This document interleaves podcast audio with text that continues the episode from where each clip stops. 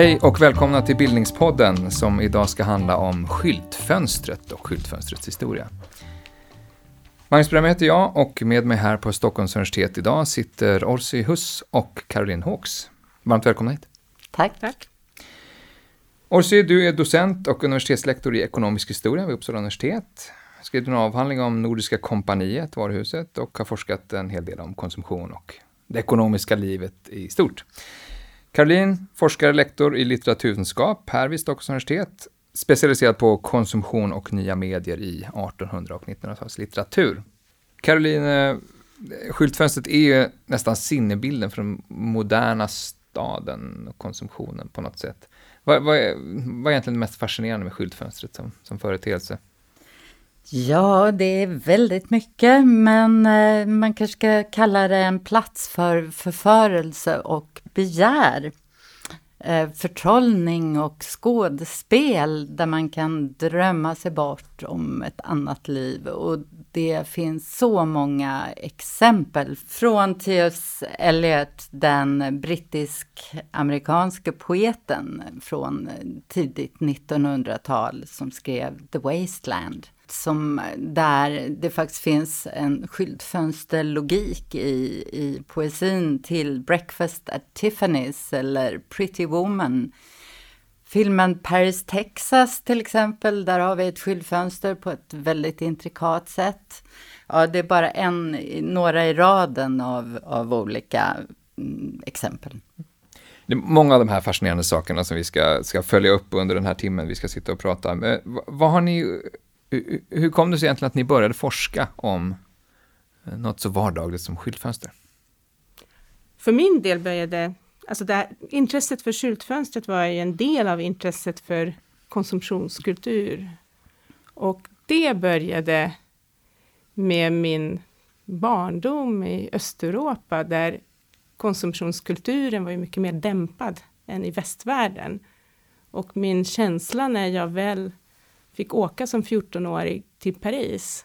Att det, se, gå på Champs-Élysées och se de här eh, fantastiskt belysta skyltfönstren, eller i, eh, både i varuhusen och i andra butiker, något som egentligen var ganska okänt för mig. Även om butikslokalerna i Budapest där jag växte upp hade fysiskt hade skyltfönster, så inredningen, dekorationen i dem var inte så viktigt och inte särskilt eh, välskött eller eh, intressant. Så för mig, den upplevelsen att som 14-åring åka till Paris och Frankrike och se de här butikerna, jag, det gjorde att jag kunde relatera till hur det måste ha känts för folk i början av 1900-talet, när de här stora skyltfönstren växte upp och mm. eh, gatorna eh, eh, plötsligt innehöll alla dessa frestelser och förförelser och bilder av, eh, som man kunde drömma om eller bara beskåda helt enkelt på ett helt annat sätt än tidigare. Mm. Du Caroline, du har till och med jobbat med att skylta fönster, är det så? ja, eh, nu är frågan om det är därför jag har börjat forska det kring till. det, men Ja, visst, jag jobbade på Gul och Blå, en ja, berömd affärskedja i Stockholm, framförallt på um, slutet av 70 och början av 80-talet. Och där skyltade jag fönstren och um, åkte runt och öppnade butiker och skyltade även där. Och mer än så, jag kommer faktiskt ihåg Lars Knutsson som hade kedjan. Han sa när jag hade bytt klädstil vid, vid ett tillfälle att Ja, Caroline, förr i världen så kunde man ställa ut dig i skylten och idag vill man nästan hellre plocka ner dig på lagret. Hur långvarig blev du på gul och blå efter den kommentaren? Jo, ja, nej, jag jobbade där ganska länge. Eh, och samtidigt också när jag, när jag började läsa på universitet och så. Men så skrev jag också mode på Svenska Dagbladet och åkte på visningar i Paris. Och, ja, dels var det en fascination för ytan Och samtidigt så förhöll jag mig ganska konsumtionskritiskt, bedårad av ytan och eh, politisk på något sätt simultant. Mm. Och blev du mer och mer, eh, blev, blev, blicken utifrån starkare och starkare ju längre du studerade det där? Um, jag tror nog att den hade funnits där mm. eh, hela tiden, simultant på något sätt. Det, där kan jag också känna igen mig i den forskning jag kommer att bedriva senare. Mm. I analys av romanen. Och så. Och analysera skyltfönster är det vi ska göra idag. Jag tänker, det, det, är en företeelse som de flesta känner till, eh, men det är ett skyltfönster på 50-talet eller på 30-talet var på sätt och vis en helt annan sak än idag. Hur, hur levande är skyltfönsterkulturen skulle ni säga? Ja, alltså jag har nu sen jag har börjat fokusera på, i min forskning lite mer på skyltfönster, återigen ska jag säga. Då är jag mycket mer uppmärksam på hur det ser ut idag. Och det är ju helt uppenbart för mig när man promenerar på gatan att de flesta skyltfönstren är inte riktigt lika viktiga som de var på 30-talet. Ofta ser man ju stora skärmar i skyltfönstren med, där det rullar reklambilder eller bara stora affischer. Så det används inte alls på samma sätt som det har gjorts på, under stora delar av 1900-talet. Att I Sverige har ju fönsterskyltningen börjat professionaliseras i början av 1900-talet och var som kanske allra viktigast under 30-talet och så fortsätter det ett tag med, med nedgång under krigstid, men under, alltså, sen började det dala lite grann från 60-talet och kanske kan man koppla det till framväxten av andra medier, TVn mm. till exempel och andra skärmar och idag är ju då helt klart att eh, skyltfönstret har flyttat in i våra telefoner och mm. datorer. Vad säger du Karin? Det har tagit sig andra former, eh, lämnat det materiella på något sätt. Eh, den eh, franske filosofen Guy Debord som skrev om eh, skådespelsamhället på 60-talet. Han pratar ju om en slags tillvaro där skådespelet eller skenet så att säga ställer sig framför den verkliga världen och nu idag kanske det är så lite eh, att det finns inget bakom som är den verklighet som vi eh, som doldes enligt det bör, utan allt kanske är simulationer och, och simulakra. Eh, och då kanske det inte är lika lätt att utifrån objekten, utifrån sakerna, tingen, eh, skapa de här världarna för oss mm. moderna människor. Men spektaklet finns kvar på sätt och vis, men det kanske är andra medier? Spektaklet finns kvar, men kanske inte så mycket bakom mm. enligt Men kan du fortfarande som gammal fönsterskyltare gå förbi en, ett dekorerat skyltfönster och bli imponerad? Finns det ens? Jag är inte för min egen del, eh, faktiskt. Eh, jag är, känner mig inte så imponerad eh, längre. Mm. Det har inte en sån magi mm. på samma sätt. Ja, vi ska prata vidare om eh, magin. Men först ska vi eh, blicka bakåt i historien och försöka utröna hur gammalt skyltfönstret egentligen är. Jag ringde upp eh, arkitekturhistorikern Fredrik Bedouard. Så här lät det då. Hur, hur gammalt är egentligen skyltfönstret som, eh, som företeelse? Ja, det är ju eh, eh lika gammalt kan man säga som eh, moderniteten i, när, från 1700-talet när allt nytt händer. För att man kan se skyltfönstret som kännetecken just för förändringarna i staden, i det ekonomiska livet, i tekniken så att säga och hur det gestaltas. För att det är ju ett fönster mot allmänheten verkligen. Mm. Det är ett roligt ämne. Företeelsen eh, uppstod väl inte över en natt sådär. Du kanske kan säga något om hur det växte fram? Eh, för det första så är det ju en ny företeelse i 1700-talet och eh, det, förutsättningen är ju att det, att det finns glas och att det är genomsiktligt glas och, och att man också då eh, har någon, någonting att skylta med. Eh, och, eh, och det är just i, i det sena 1700-talet när eh, någon form av serietillverkning börjar. Av saker som ser dyrbara ut som alla kan köpa. Det finns en stor eh, kundkrets. Det finns eh, ett behov så att säga och det finns eh, eh teknik och vi har då en kommersialism som är under stark utveckling. Mm. Och då är det detta att bygga, kunna ha st så stora glas som möjligt. Eh, i, till, I början så gör man gärna stora, ganska stora skyltfönster men då är det spröjsar. Mm. Och eh, eh, det är med, egentligen med gjutjärnet i mitten på 1800-talet som, eh, som det kommer stora glas. Så det är, det, är många, det är många olika faktorer som sammanstrålar här egentligen? För, ja, det för är det verkligen. fenomenet ska uppstå. Ja. Men vad hade man innan skyltfönstret? Så att säga? Vad var det skyltfönstret eh, efterträdde? Ja, det var, det var bodluckorna och då var, det, då var det öppet, då var det alltså inte något glas alls. Men lockade man in, lockade man in besökarna på andra sätt? Ja, man lockade inte in, man behövde inte det. Det fanns inte den drivkraften utan man, det var ju folk hade behov av att köpa. Vad som var nytt är ju att man hade kramvaror som var eh, sidenband och, och eh, tyger och sånt där som var lockande. Och, men annars var det ju ingen dramatik så att säga och en mycket enkel skyltning. Det var ju de berömda hökarkvastarna och liknande och symboler. Mm. Mm. Ja, precis. Men vad, skulle du säga att det är, att det, är det liksom sociala, kulturella eh, behovet som, som föder den här arkitektoniska företeelsen? Eller är det så att den tekniska utvecklingen gör fönstret möjligt eh, och då, och då skapar ser, ett, ett, uttryck? Jag ser det som ett barn av eh, 1700-talets eh, eh, förening av kapitalism och eh, industrialism. För det är det som skapar de här mängderna människor som helt plötsligt kan köpa och billiga saker. Och, eh, och, eh, och eh, just detta att, att människor som vill göra pengar vill, vill torgföra sig så att det är på ett väldigt tydligt sätt. Mm. Hur snabbt gick den här förändringen? Alltså det, det, måste ha varit en, en, enorm förändring av stadsbilden. Ja, det var ju eh, lika snabbt som samhället förändrades kan man säga. Vi har ju 1830-talet, det är de första järnvägarna. Vi hade ju sena 1700-talet, de första passagerna. Och då var det ju eh, skyltfönster eh, ut med hela passagen så att säga.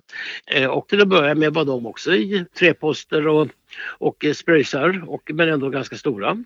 Och det alltså utvecklas och blir större och större och eh, just 1851 är ju Crystal Palace som utvecklar de här riktigt stora eh, glasen som man alltså... Ja, just det. det var byggnaden som, eh, som hyste världsutställningen i, i London 1851. Exakt. Ja. Crystal. Palace. Mm. Eh, och, eh, och också kommer gjutjärnet där också. Va, vad innebär det? Ja, att förut så var det murpelare i husen och eh, som ju gjorde att det kunde inte vara så väldigt stora, stora fönster. Eh, men med, i och med att man kunde istället ta stöden som eh, gjutjärnskolonner så, så, så hade, kunde man göra en helt glasad butiksfasad.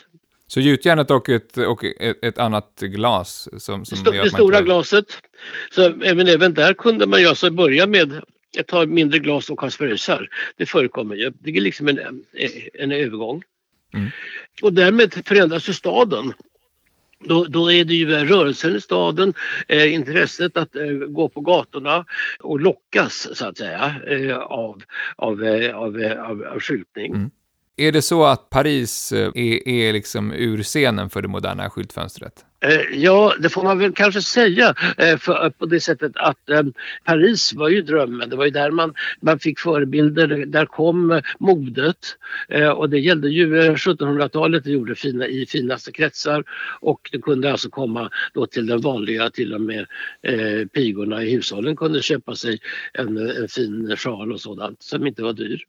Eh, vi får, ju väldigt lite passager så att det är med Brunkebergs torg i Folkerska huset på 1840-talet. Sen på 1890-talet får vi Birger passage som jag tycker är jättefin. Den finns ju kvar. Den, och den är, är alltså den som går från Birger till mot, mot eh, Norrmalmstorg. Och mm. eh, det är just det, importen, importhandel naturligtvis där också man tar från Frankrike. Men sen är det vi är väldigt nära Berlin och Berlin eh, och, eh, har väldigt tidiga eh, varuhus och butiker. Även om Paris är först eh, och, eh, och när det gäller själva byggnadstekniken och det här att göra eh, stora konstruktioner i fasader så att säga i gjutjärn så är det Amerika. Och där kan man göra hela hus, fast hela fasader i gjutjärn.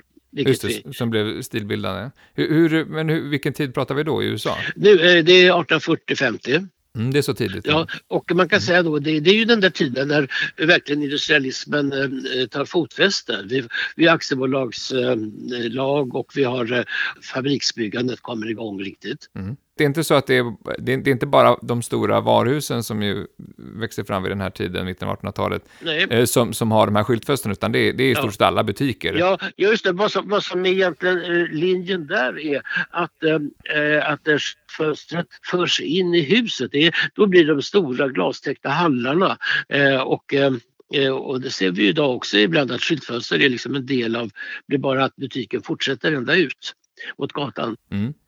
Det, även på 50-talet kan man ju se bilder på, på folksamlingar som står och tittar på tv-sänd sport och sånt i, i skyltfönster.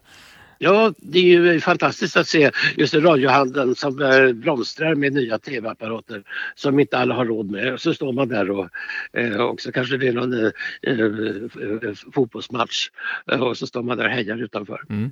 Skyltfönster blir ju, ehm, det är ju ett nöje för människorna. Eh, jag kommer ihåg från min egen barndom fanns det något som hette skyltsöndagar före jul det var 1895 första gången i Stockholm som man alltså man eh, direkt eh, gjorde sig i ordning eh, för att locka människor och, och det var ett nöje helt enkelt, vare sig man köpte eller inte. Mm. Det, det, det växer också fram, det är inte så att det från början är, blir en kultur kring skyltfönstertittande utan skyltsöndagen eh, och, och den typen av eh, begivenheter. Det är ett klimax så att säga ja. på detta. Mm. Eh, eh, Nordiska kompaniet Senkos skyltfönster i Stockholm har ju fortfarande julskyltning, så som väl är en ganska lång tradition också. Ja, det är ju några stycken. Eh, det, det, I Stockholm så är det väl eh, NK och, och kanske Buttrick som har eh, eh lite märkvärdiga skyltar. Eh, liksom dramatik, så här, scenografier så att säga. Eh, och det, det, har naturligtvis funnits men nu idag ser det ju annorlunda ut. Eh, men det var ju detta att i och med att man gjorde de här stora skyltfönstren så kunde man också ha, eh, och eh, tekniken, så kunde man ha skyltfönster i två våningar med gjutjärnskolonner och stora glas. Och och då har vi ett, ett väldigt vackert hus i Stockholm, är ju, är ju just Buttricks som idag är skämtartiklar men var en, en ren eh, klädesaffär, mode. Mm. Och, och då var det skyltfönster i hela huset och då stod det skyltdockor med klädda med sina fina kläder. Mm. Men det, det, är en tid, början på 1900-talet, när det här konkurreras då av kontoren. För att man har samma eh, konstruktioner för kontor, gärna stora fönster, och, både för att det ser modernt och stiligt ut. Det, är, det var ju modern arkitektur och, och, och gav dagsljus. Och, eh, då var det, eh, eh, blev gardiner för, för fönstren eh, en trappa upp så att säga. Kanske stod firmans namn bara. Mm. Ibland i bästa fall kanske frisersalong. Mm. Och Buttricks som vi då pratar om var ju, eh, det gradvis försvann ju för, eh, skyltdockorna från de övre våningarna. Det mm. funkade mm. ju aldrig riktigt. Hur kommer det sig? Jo, ja, alltså det var eh, eh, Människor är ju ofta sådana äh, att man äh, ser, man ser äh, i ögonhöjd. Det är väldigt få människor som egentligen tittar upp på husen. Ja, okay. Men butikerna tittar man inte på. Är, är det så att skyltfönstret är den, den viktigaste ingrediensen för den moderna stadsbilden någonstans? Ja, eh, eh, det, alltså eh, eh moderniteten på 1800-talet, eh, absolut. För att då är det det kommersiellas magi som spel, spelar också med, med, med gatubelysning som ju blir, eh, får ökad intensitet och folk, folkmassor som tar del i detta. Och, och det var det ju fortfarande på den tiden liksom det fanns skyld, skyltsöndagar på 50-talet till exempel som vi nämnde förut. Och det är väl det, det har fått en trivialitet idag på något sätt naturligtvis. Det är väl mycket lite av glamour idag. Skulle, skulle du säga att skyltfönstret har förlorat sin magi lite grann här? Ja visst har det det. 1800-talet var det ju verkligen så att det, det var en, en, en, magi och det kunde vara framförallt i Paris var det ju också belyst på ett helt annat sätt. Men det fanns också här illuminationer och sådant i skyltfönstren. Mm. Så att det, det, var verkligen bilden av stadsrummet och man kan säga att det var nästan den, den viktigaste företeelsen i, i, i staden, eh, dessa skyltfönster. Eh, så att säga, före trafiken också då, eh, som jag har förstört en del. Mm. Tusen tack för att du ville vara med i Bildningspodden. Ja, tackar dig. Det var trevligt att vara med. Mm. Fredrik Bedouard, alltså arkitekturhistoriker, som sa sådär om skyltfönstrets tidiga historia. Magin är delvis förlorad, det är han också inne på. Vi kanske kan återkomma till det. Men var det någonting annat som ni reagerade på när ni lyssnade på Fredrik? Ja, jag tänkte lite grann på det här med världsutställningen i London 1851. När han pratade om det här med glas och, och gjutjärn och hur man konstruerade de här, den här fantastiska kristallpalatset som eh, var ju en, ja, en enorm konstruktion. Mm. Och att skapa de här världarna mellan eh, utanför, alltså ute i världen eh, och inuti lite som eh, skyltfönstret i sig fungerar. Och passagerna. Eh, just till exempel Birger där jag själv eh, arbetade på Gul och Blå. Ja, det var där butiken låg? Ja, ja precis. En passage är alltså, ska vi kanske säga, en, en gång genom ett hus med butiker vägg i vägg. Så att det är en slags inomhusgalleria. Ja. Eh, så hur gammal är den egentligen eh, som historiskt? Jag kopplar samman passagerna med eh, 1800-talets Paris och kanske redan eh, första hälften av 1800-talet där det så småningom börjar växa fram. Och eh, det är ju en eh, plats i staden som inte riktigt kan användas för trafik, för det är ju så små, smala gångar i, sto, alltså i block av mellan eh, hus, genom husblock. Alltså. Och det kan ju inte användas för genomgångstrafik, men det kan användas för gångtrafikanter och det kunde användas då för butiker, kaféer, försäljningsställen. Och det är väldigt fascinerande för de här ju fysiskt finns kvar i Paris. Nu kanske inte de allra, alltså inte så att de allra finaste butiker finns där, men man kan promenera flera kvarter. Jag var i Paris förra sommaren och då gick jag igenom de här passagerna så att när den ena passagen, där Passage de Panorama slutar, så börjar den andra. Så man korsar gatan mm. med biltrafik så kommer man in i en annan sån där passagegång. Så det är väldigt fascinerande som att det är en parallell universum jämfört med de vanliga gatorna.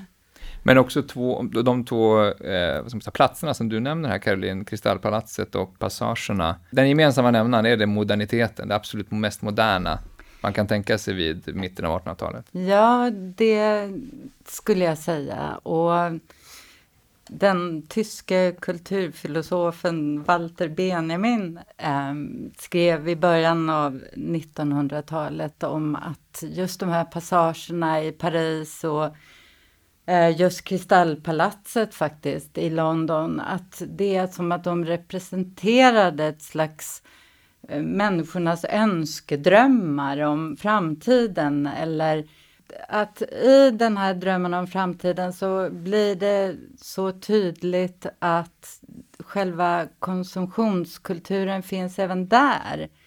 Det är för att i konsumtionskulturen så ligger det just i att man glömmer nuet, vardagen, tristessen och istället blickar framåt och drömmer om en, en framtid som um, man hoppas är möjlig men, men samtidigt eh, misstänker inte är för en själv eller någonting mm. sånt mm. där.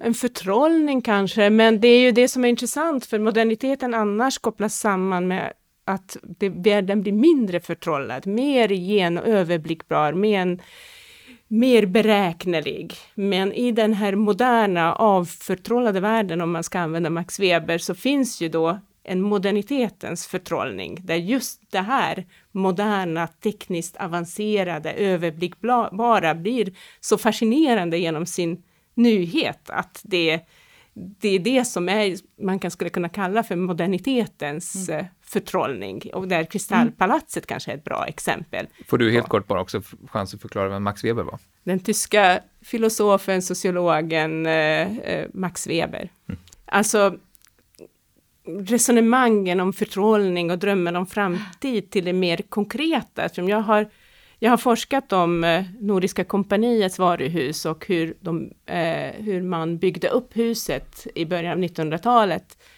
i Stockholm. Eh, och eh, där ser man i arkivmaterialet och i berättelserna att först har planen varit att bygga en glas och järnbyggnad. Mm. Av det här eh, fascinerande, moderna eh, karaktären. Men sen har de faktiskt eh, övergått till idén att bygga en solid stenhus som utstrålar som det som Ferdinand Broberg, som var arkitekten bakom NK-huset, skrev. Den skulle utstråla soliditet och värdighet mm. istället för den luftiga, fascinerande. Medan då tanken var att den här soliditeten och värdigheten skulle vara utsidan. Men att man lockar in människor och insidan inuti så skulle vara en drömvärld. Så det finns ju då alla dessa abstrakta ord om drömmar och förtrollning faktiskt materialiseras genom konkreta beslut av historiska aktörer, arkitekter, varuhusägare och vad de väljer för strategier. Och det fanns ju också en poäng med att visa det stadiga, solida mm. i tidiga 1900-talets Stockholm. Mm. Det ni beskriver här i 1800-talet är på sätt och vis den moderna konsumtionskulturens framväxt, kapitalismens framväxt. Men när, är, när infaller skyltfönstrets eh, guldålder? Säga? Fönsterskyltningen blir ett eget område, ett professionellt fält kring eh, de första åren på 1900-talet i Sverige. Och den växer och utvecklas och har någon slags guldålder under 30-talet. Men skyltfönstret blir ju viktig i de franska varuhusen först, från 1850-tal och framåt. De speciella skyltningarna i varuhuset Beaumarchais i Paris är omskrivna. Sen eh, nästa steg så brukar man också nämna USA, där eh, magnifika skyltningar anordnades både i fönstren men också i de här stora varuhusens ljusgårdar och inre hallar. Men i, i det steget från en, eh, en glasyta där man kan visa sina varor till de, det här eh, magiska spektaklet så anar man ju födelsen av en fönsterskyltare som en yrkeskategori. När, när uppstår den egentligen? Vad, vad liksom ingår i den här rollen? Här är ju Sverige också återigen lite senare mm. eh, än eh, Frankrike eller USA. Hur börjar det där? Eh, USA börjar under 1880-talet så är ju fönsterskyltningen i de här stora butikerna, Marshall Fields och Vanamakers varuhus och andra fönsterskyltningen blir allt viktigare och även i mindre städer och mindre butiker. Och jag, har, jag vet ju inte exakt när yrket som sådan föds, men det finns ju en organisation för eh, de som arbetade med fönsterskyltning som grundades sent 1890-tal. Och den person som grundade den här föreningen hette Frank L. Baum och eh, han var författaren till eh, eh Trollkarlen från Ås, alltså romanen. Mm. Han eh, var en väldigt intressant person, arbetade mycket med försäljning i början av sitt liv, ett tag som journalist, började skriva barnböcker, jobbade med teater för att återknyta till skådespeltanken, men under en period i sitt liv så arbetade han mycket med fönsterskyltning och eh, skrev också en handbok om fönsterskyltning, startade en tidskrift Eh, för de som arbetar med fönsterdekoration och en förening. Är han liksom en, en pionjär internationellt, skulle du säga, på den punkten? Jag tror att han är ganska känd just på grund av att han blev så känd som författare. Mm, okay. Och eh, han beskrivs som en person som var väldigt fascinerad av den här moderna konsumtionskulturen och helt hejdlöst eh, anhängare på något sätt av den här eh, det drömlika begärets eh, skådespel. Eh, i en eh, bok så berättas det att han hade hemma i sin familj så hade de fyra julgranar, en för eh, var, varje barn. Så, så det är som det här med dekoration och eh, förförelse eh, var väldigt viktigt. Men det som är intressant då också att eh, Trollkarlen från Oz har tolkats som en konsumistisk roman, att eh, hela den här eh, förtrollade riket är ju då en symbol för eh, den nya konsumismen. Vägen dit, eh, det gula, den gula vägen är egentligen en symbol för pengarna. Mm. Guld och pengar. Och det är Yellow Brick Road. Och så. Ja. Och, eh, För annars var det, var det inte ganska vanligt att man, man började med ganska enkla uppgifter, att i stort sett städa skyltfönstren och sen Precis, växte och där man in har i vi rollen. ett svenskt exempel, för där i Sverige har eh, NK varit det första varuhuset som har anställt en, den första professionella fönsterdekoratören. Det fanns ju tidigare kringvandrande tyska eh, fönsterskyltare, men annars så var det de som arbetade i butiken som dammade av det som stod i fönstret lite grann och ordnade varorna. Och då hette det att städa i fönstret. Men 1903 börjar Oskar Lundqvist, som eh, kommer från Skåne, har jobbat en del med teaterdekor, var en amatörkonstnär och eh, arbetade i butiker. Och han får jobb på NK och det visar sig ganska snabbt att han är väldigt duktig på att ordna i de här fönstren. Och han också hjälpte eh, restaurangerna i närheten att eh, eh, skylta lite grann i fönstren mot gratis mat. Så han börjar ju få de här uppdragen och när varuhuset flyttar 1915, då har vi redan en hel dekorationsavdelning som förestås av Oskar Lundqvist. Där med ett 20-tal anställda, det nyanställdes en hel del folk 1915. Oskar Lundqvist blir sen omnämnd i flera reklamhistoriska och, och detaljhandelshistoriska böcker som den första professionella fönsterskyltaren i Sverige. Han arbetade på NK till eh, början av 1930-talet och det var han som skapade de första berömda julskyltningarna i Ljusgården men också i skyltfönstren. 1932 så lämnar han NK och öppnar en egen dekoratörsskola och ateljé. Och då var det viktigt också att eh, titulera sig själv för före detta chefsdekoratör från NK, för det, den titeln hade ju en stor, gav en väldigt stor status även långt efter att, att han slutade, han, han, att han, han avslutade sin av, anställning. Och jag ska säga det att om man vill veta eh, mer om Oskar Lundqvist och se lite grann av de här eh, makalösa kreationerna som han gjorde på NK så berättar din forskarkollega, ekonomihistorikern Klara Arnberg, om det i en film som finns på vår sajt anekdot.se. Mm. Men det är i stort sett går, han, han, hans yrkesresa går från att, damma av staplade varor till att göra enorma kreationer, inte bara i Absolut. skyltfönster utan inne som du säger, Inne ljusgården, i inomhus i, ljusgården. var, i varuhuset. Ja. Precis, så att han, han kommer ju den vägen. Det fanns en annan berömd eh, dekorat, fönsterdekoratör i Sverige som var säkert tio år yngre än eh, Oskar Lundqvist, kanske mer. Harald Rosenberg som eh, var ansvarig för fönstren, skyltfönstren eh, i varuhuset eh, MIA, som är förkortning för Militära Ekiperingsaktiebolaget, men så blev ett av Stockholms största varuhus vid Norrmalmstorg. Och Harald Rosenberg hade en helt annan karriär, för han eh, började som direktörsassistent och blev eh, en av direktörerna på varuhuset, men hade ett särskilt intresse för fönsterskyltning och förestod också dekorationsavdelningen. Han arbetade en del med eh, världsutställningarnas eh, Sverige-del och var ju god vän med några av de funktionalistiska arkitekterna. Så han blev också ett berömt namn inom fönsterskyltning. Men han kom egentligen Man kan säga så att han kom uppifrån och Oskar Lundqvist kom nerifrån, så det är lite, lite olika karriärer, men eh, de, eh, de hade samma positioner på den tiden då, och Oskar Lundqvist var lite äldre.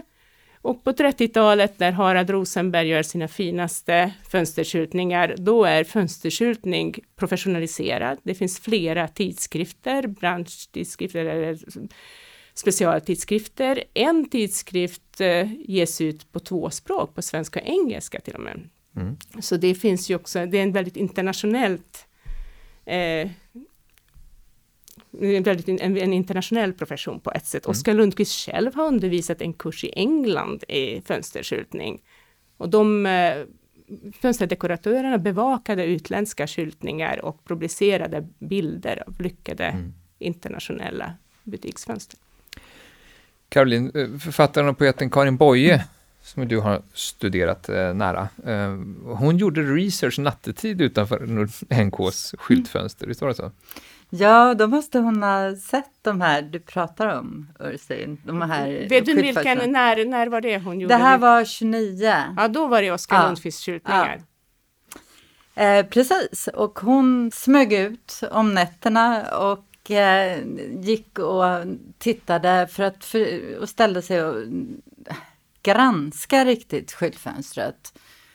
Och på natten helt enkelt, eller kvällen, så var det en väldigt stark effekt uppenbarligen. Eh, och Ja, det är, inte bara det är inte bara glaset här, utan det är också ljuset, det upplysta. Ja, det här är en väldigt viktig aspekt. Belysningen, elektriciteten blev ju viktigt, att de här fönstren syntes nattetid. Mm. Det var något annat än jämfört med bara några årtionden tidigare. Ja, den, eh, verkligen. Så att dels var det det och sen ville väl hon helt enkelt det, dels eh, eh, studera sin egen upplevelse utav den. Hur hon kände, drabbades och så vidare.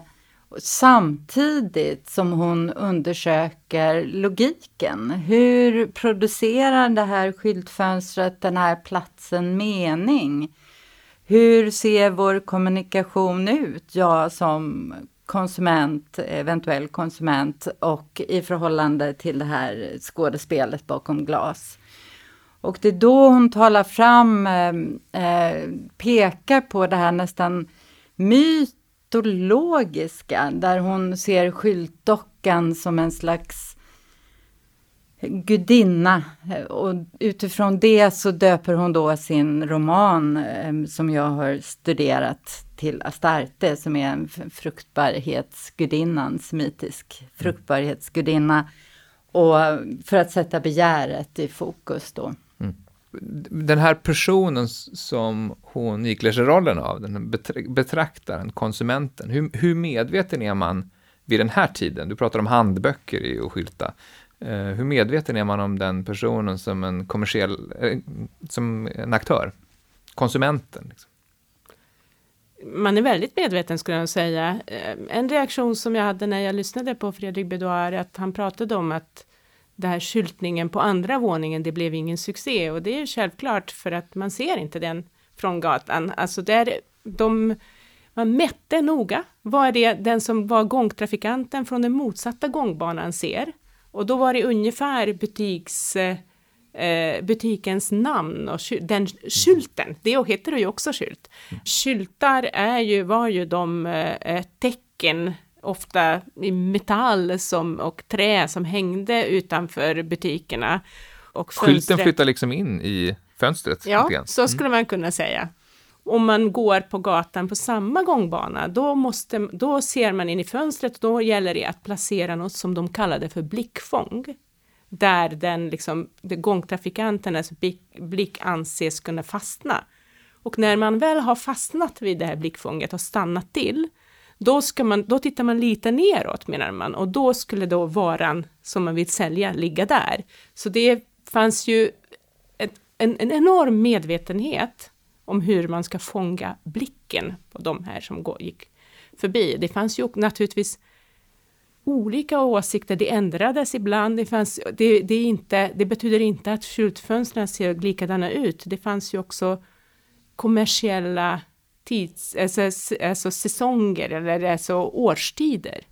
Det är olika, skyltfönstren såg olika ut, olika, eh, inte bara med vår och sommar och höst och vinter, utan det fanns ju vita veckor, det var ju mors dag, det var realisation och sen eh, eh, Mårten Gås var ett typiskt fönster och sen fars dag och julen var ju det stora eh, skylt njutningshögtiden. Men det är ju standardiseringens tid också på något sätt. Gjorde man mätningar på hur, hur blicken vandrade? Och... Det gjorde man också och också mm. räknades, eh, reklamexperter räknade hur många som stannade till utanför fönstret, hur många av dem som stannade till gick in i butiken. Det gick inte riktigt, riktigt att bevisa hur effektiv den här skyltningen är, men ändå så fortsatte där liksom medvetenheten. Det var ju nya material togs fram för att framhäva, kunna framhäva var, eh, alltså för montrar, för att kunna framhäva varor, men det gick också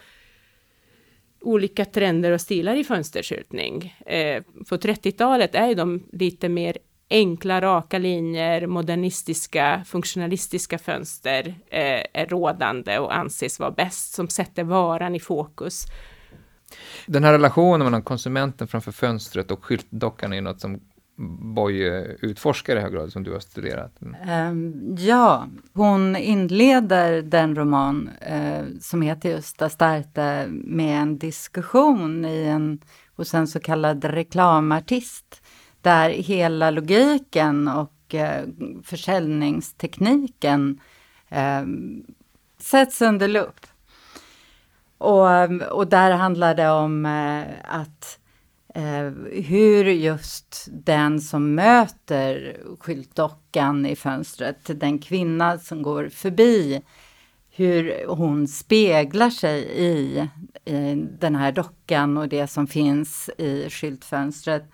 Alltså det är frågan om att det är en eh, det som är materiellt omvandlas till ett slags tecken utifrån vilka då den här konsum presumtiva konsumenten eh, läser eh, och skapar mening och speglar sig själv i och drömmer om sig själv i en, en ny eh, livssituation med vissa juveler eller klä, pälsar och, och, klänningar och så vidare. Så att eh, det är en slags eh, nästan kultiskt ögonblick här i det här mötet med skyltfönstret och en av karaktärerna, eh, framförallt Britt i romanen,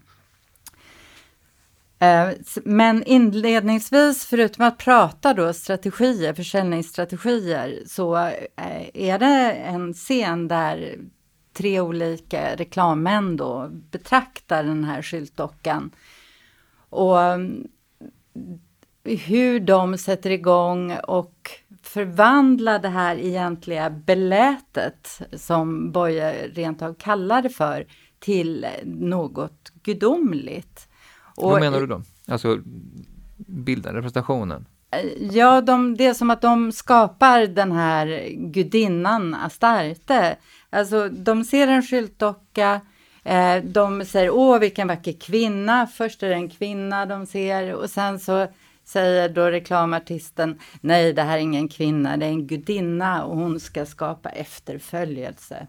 Mm. Och hon kastar ut sina nät och fångar då de här eh, kvinnorna framförallt som går förbi. Och vad Boye skriver fram i den här eh, romanen är ju också hur kvinnlighet eh, skapas som i den här konsumenttillvaron. Att det är tilltal till just kvinnor. Från att till exempel i en scen där män och kvinnor går tillsammans för att arbeta i fabriker då när man går, marscherar förbi så att säga skyltfönstret så, så lockar den här nästan sirenen, eh, skyltdockan, på kvinnorna som börjar titta på den här skyltdockan. Och från att bli producent så blir de då konsumenter och det är just i det här tilltalet av dem som kvinnor och det är inte bara det att de tilltalas som kvinnor, utan de blir kvinnor i romanen här. Alltså det är en slags könande av eh, subjekt.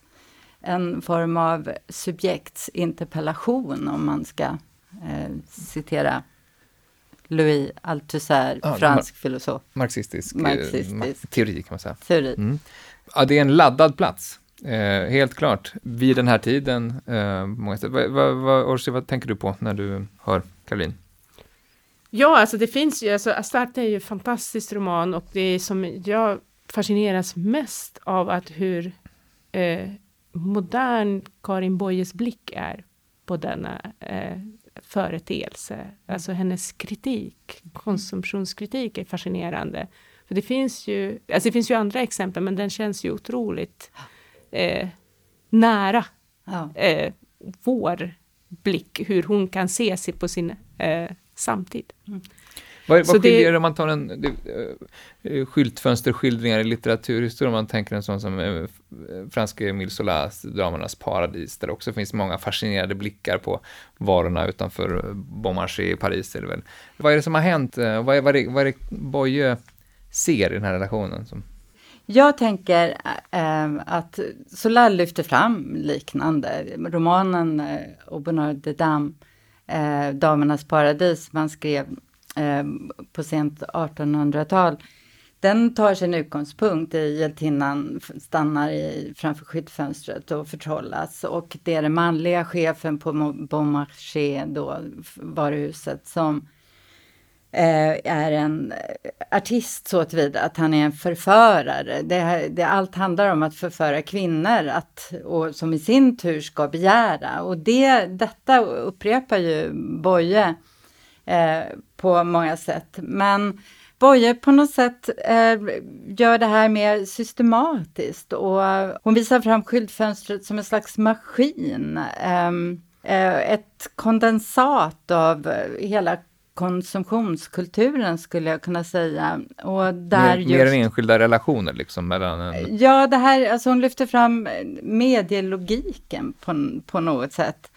Alltså att eh, de här varorna blir tecken eh, som eh, producerar eh, mening och att det är mötet med de här tecknen som, som eh, bilderna, föreställningarna, som fantasin kommer in. Alltså den hakar i konsumentens fantasi som drömmer om sig själv. Kan inte det vara så ja. att Boye har lite mer av ett inifrån perspektiv, det du vill säga att hon tittade på skyltfönster och vilken effekt den hade på henne själv. Sola vet jag konsulterade sin vän arkitekten som byggde Samaritan som var ett varuhus i mm, Paris. Så att han sätter sig kanske i en annan mm. subjektposition när han beskriver varuhuset, även om naturligtvis kritiken finns ju där också. Och där finns ju de här småhandlarnas kamp mot eh, eh, varuhuset som liksom tar deras kunder. Och, så det finns ju med där förstås, men jag, det, jag ser ett annat perspektiv i Boyes ja, roman. Ja, men det håller jag med om.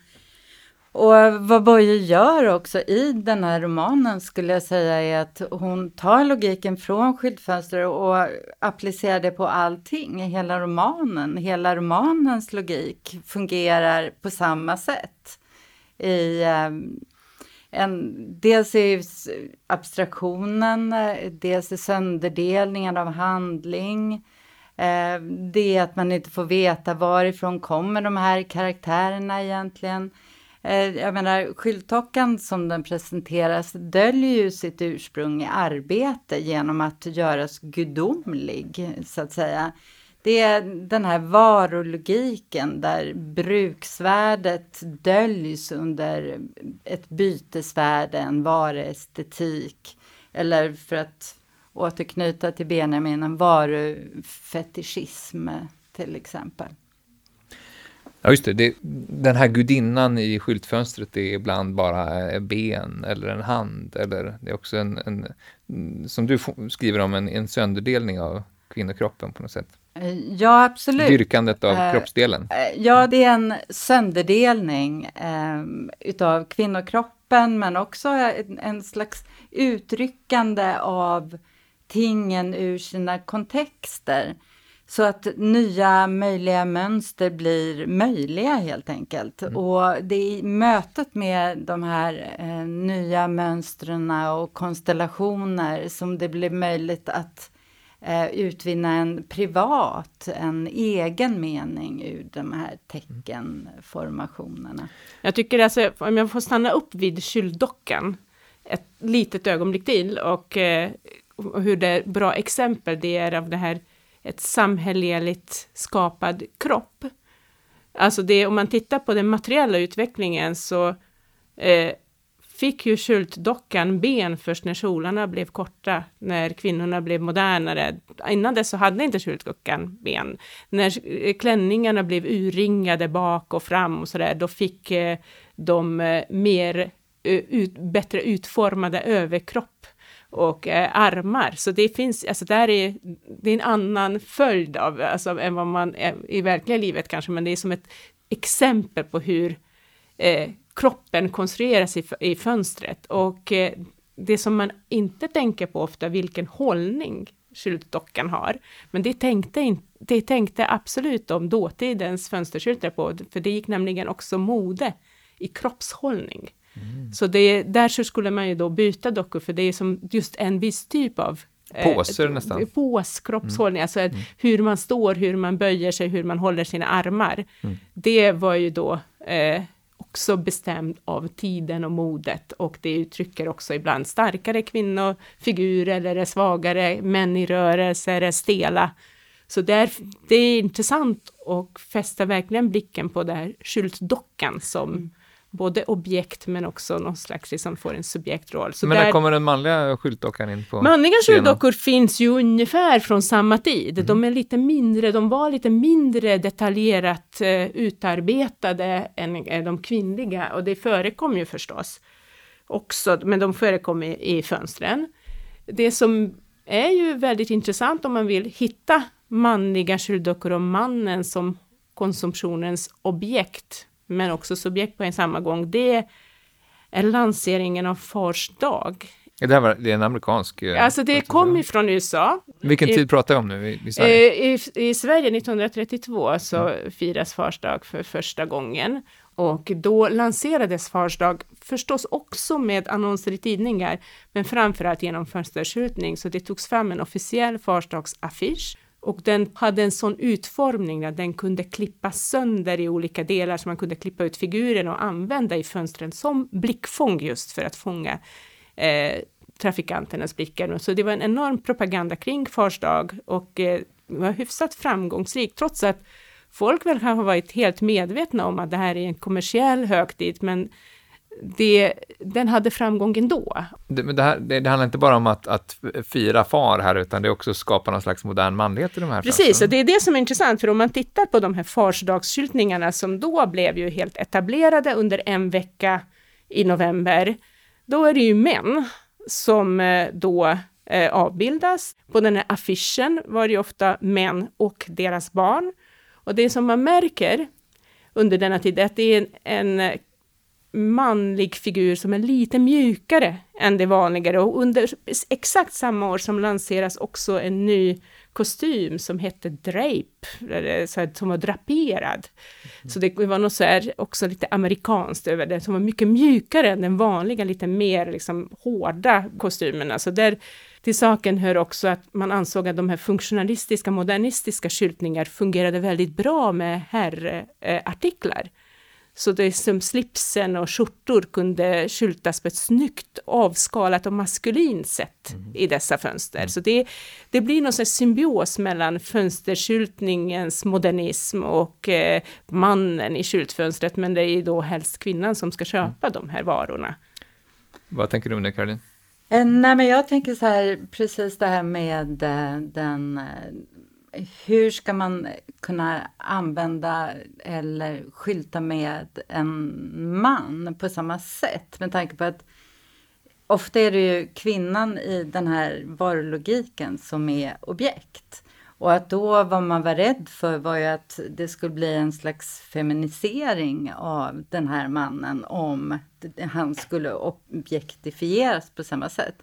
Och här visar ju du att man till och med gör en poäng av det, mm. gör honom mjukare och det kanske går just i ett pappasammanhang då. Precis, alltså det ja. var ju bra, men det var också, det var något som de var medvetna om att det var lite svårt mm. att, att uh, sälja idén. Och därför de första årens officiella slogan var ge åt den som ger man behåller fan, fadern i den här hegemoniska maskulina mm. rollen att den som tjänar pengarna, den som försörjer familjen, som också då ska ha lite gåvor och bli glad över att bli uppvaktad. Så man mjukar upp, men inom den här eh, hegemoniska, eh, rådande, accepterade manliga positionen som familjeförsörjare. Och, och familjen som mm. eh, framträder och konsolideras på något sätt. Absolut.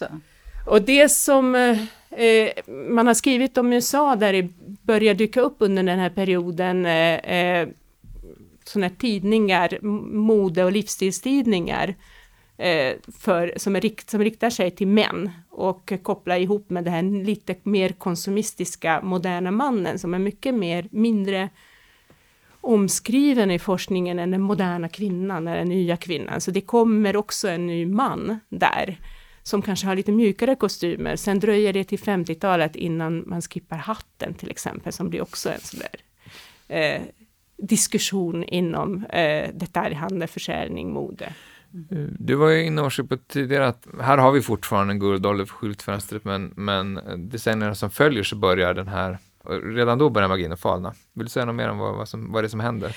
Under krig, kriget så förstås är ju inte lika intensivt och eh, på 50-talet så fortsätter den då där eh, var viktig. Men man ser tecken på att intresset för fönsterskjutning dalar lite under 60-talet och fortsätter att gå ner in i vår tid. En förklaring kan vara i att det finns andra skärmar och andra medier som konkurrerar och då tänker jag framförallt på televisionen. En annan är framväxten av köpcentra som Bosse Bergman, eh, arkitekturhistoriker, har skrivit om, där eh, kunderna är ju redan inne i köpcentret, så de här eh, Storgatans fina fönster är inte lika viktiga som de har varit tidigare. Så båda de sakerna är viktiga eh, och gör att det är lite mindre framträdande fönsterskyltningar under, sen, under det sena 1900-talet. Och under, i vår tid, skulle jag säga att har jag märkt, men det här är bara en eh, privatpersonens reflektion, att fönsterskjutningen. fönsterskyltningen har verkligen dalat och det är inte så eh, viktigt ens för stora butiker att utnyttja sina skyltfönster. Det ni har naturligtvis Nordiska kompaniet och några andra eh, varuhus kvar som satsar mycket på julskyltning och eh, kanske lite andra tillfällen, men annars är det bara en yta som kan användas för att sätta dit en affisch eller en skärm eller bara blicka in i butiken. Men då är ju hela butiken är naturligtvis väldigt genomtänkt. Så själva butiken har blivit ett skyltfönster. Då. Mm. Men är det så också att man från de här eh, guldåldersdecennierna och framåt börjar genomskåda skyltfönstrets idé någonstans? Det, det, det, det du eh, pratar om med Boye är någon slags begynnande konsumtionskritisk eh, tänkande. Ja, men jag tror att, att eh, skyltfönstrets idé har nog alltid redan varit genomskådad, så att säga. Eh, och det finns i konsumtionskulturen också, att samtidigt som man drömmer, samtidigt som man eh, eh, förtrollas av detta, så vet man att det ändå är um, Ja, lite lur, inte riktigt sant, inte riktigt möjligt. Just i den här filmen Breakfast at Tiffany's tycker jag att det blir så tydligt eh, det här vemodet som finns samtidigt med drömmen. Och det kommer fram i musiken till exempel och tematiken. Att det genomsyrar. Det finns en dröm men någonstans så kanske ändå inte det här är så att hon ska få alla de här juvelerna på Tiffany's. Eh, eller vad det nu rör sig om. Liknande eh, i den här filmen Paris, Texas um, utav uh, Wim Wenders. Um, som har det här extremt starka vemodet uh, och samtidigt det här flimrande och drömmen och kanske någonting som har gått förlorat. Det är en blandning mellan drömmen och framtiden och insikten om att den, blir, den är inte möjlig. Så att jag tänker att den rörelsen kanske finns, att det var en större tilltro till den här framtiden än senare i moderniteten där det här melankolin snarare eh, bryter igenom på något sätt. Vi, vi vet och vi vill eh, bli förförda. Ja, mm. det, jag tror att det finns med där. Ja. Absolut. Tror jag med. Vi tar det som slutord. Tusen tack Caroline Hawks och Orsi Huss för att ni ville vara med i Bildningspodden. Tack. Tack. Eh, som sagt kan ni gå in på anekdot.se och titta på Orsis forskarkollega Klara Arnberg när hon berättar mer om Oskar Lundqvist, den första svenska fönsterskyltaren med många fina bilder. Tack och hej!